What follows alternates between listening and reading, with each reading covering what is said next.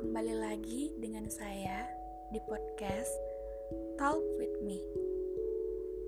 Jadi, untuk perkenalan, podcast ini berisi mengenai permasalahan hidup atau kekhawatiran serta cerita-cerita menarik tentang saya ataupun orang lain.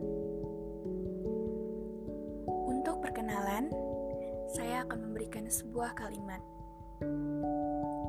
Kita memang belum sedekat itu sebagai teman, tapi kalau ada masalah atau ada yang dikhawatirkan, kamu bisa cerita ke aku kapan saja.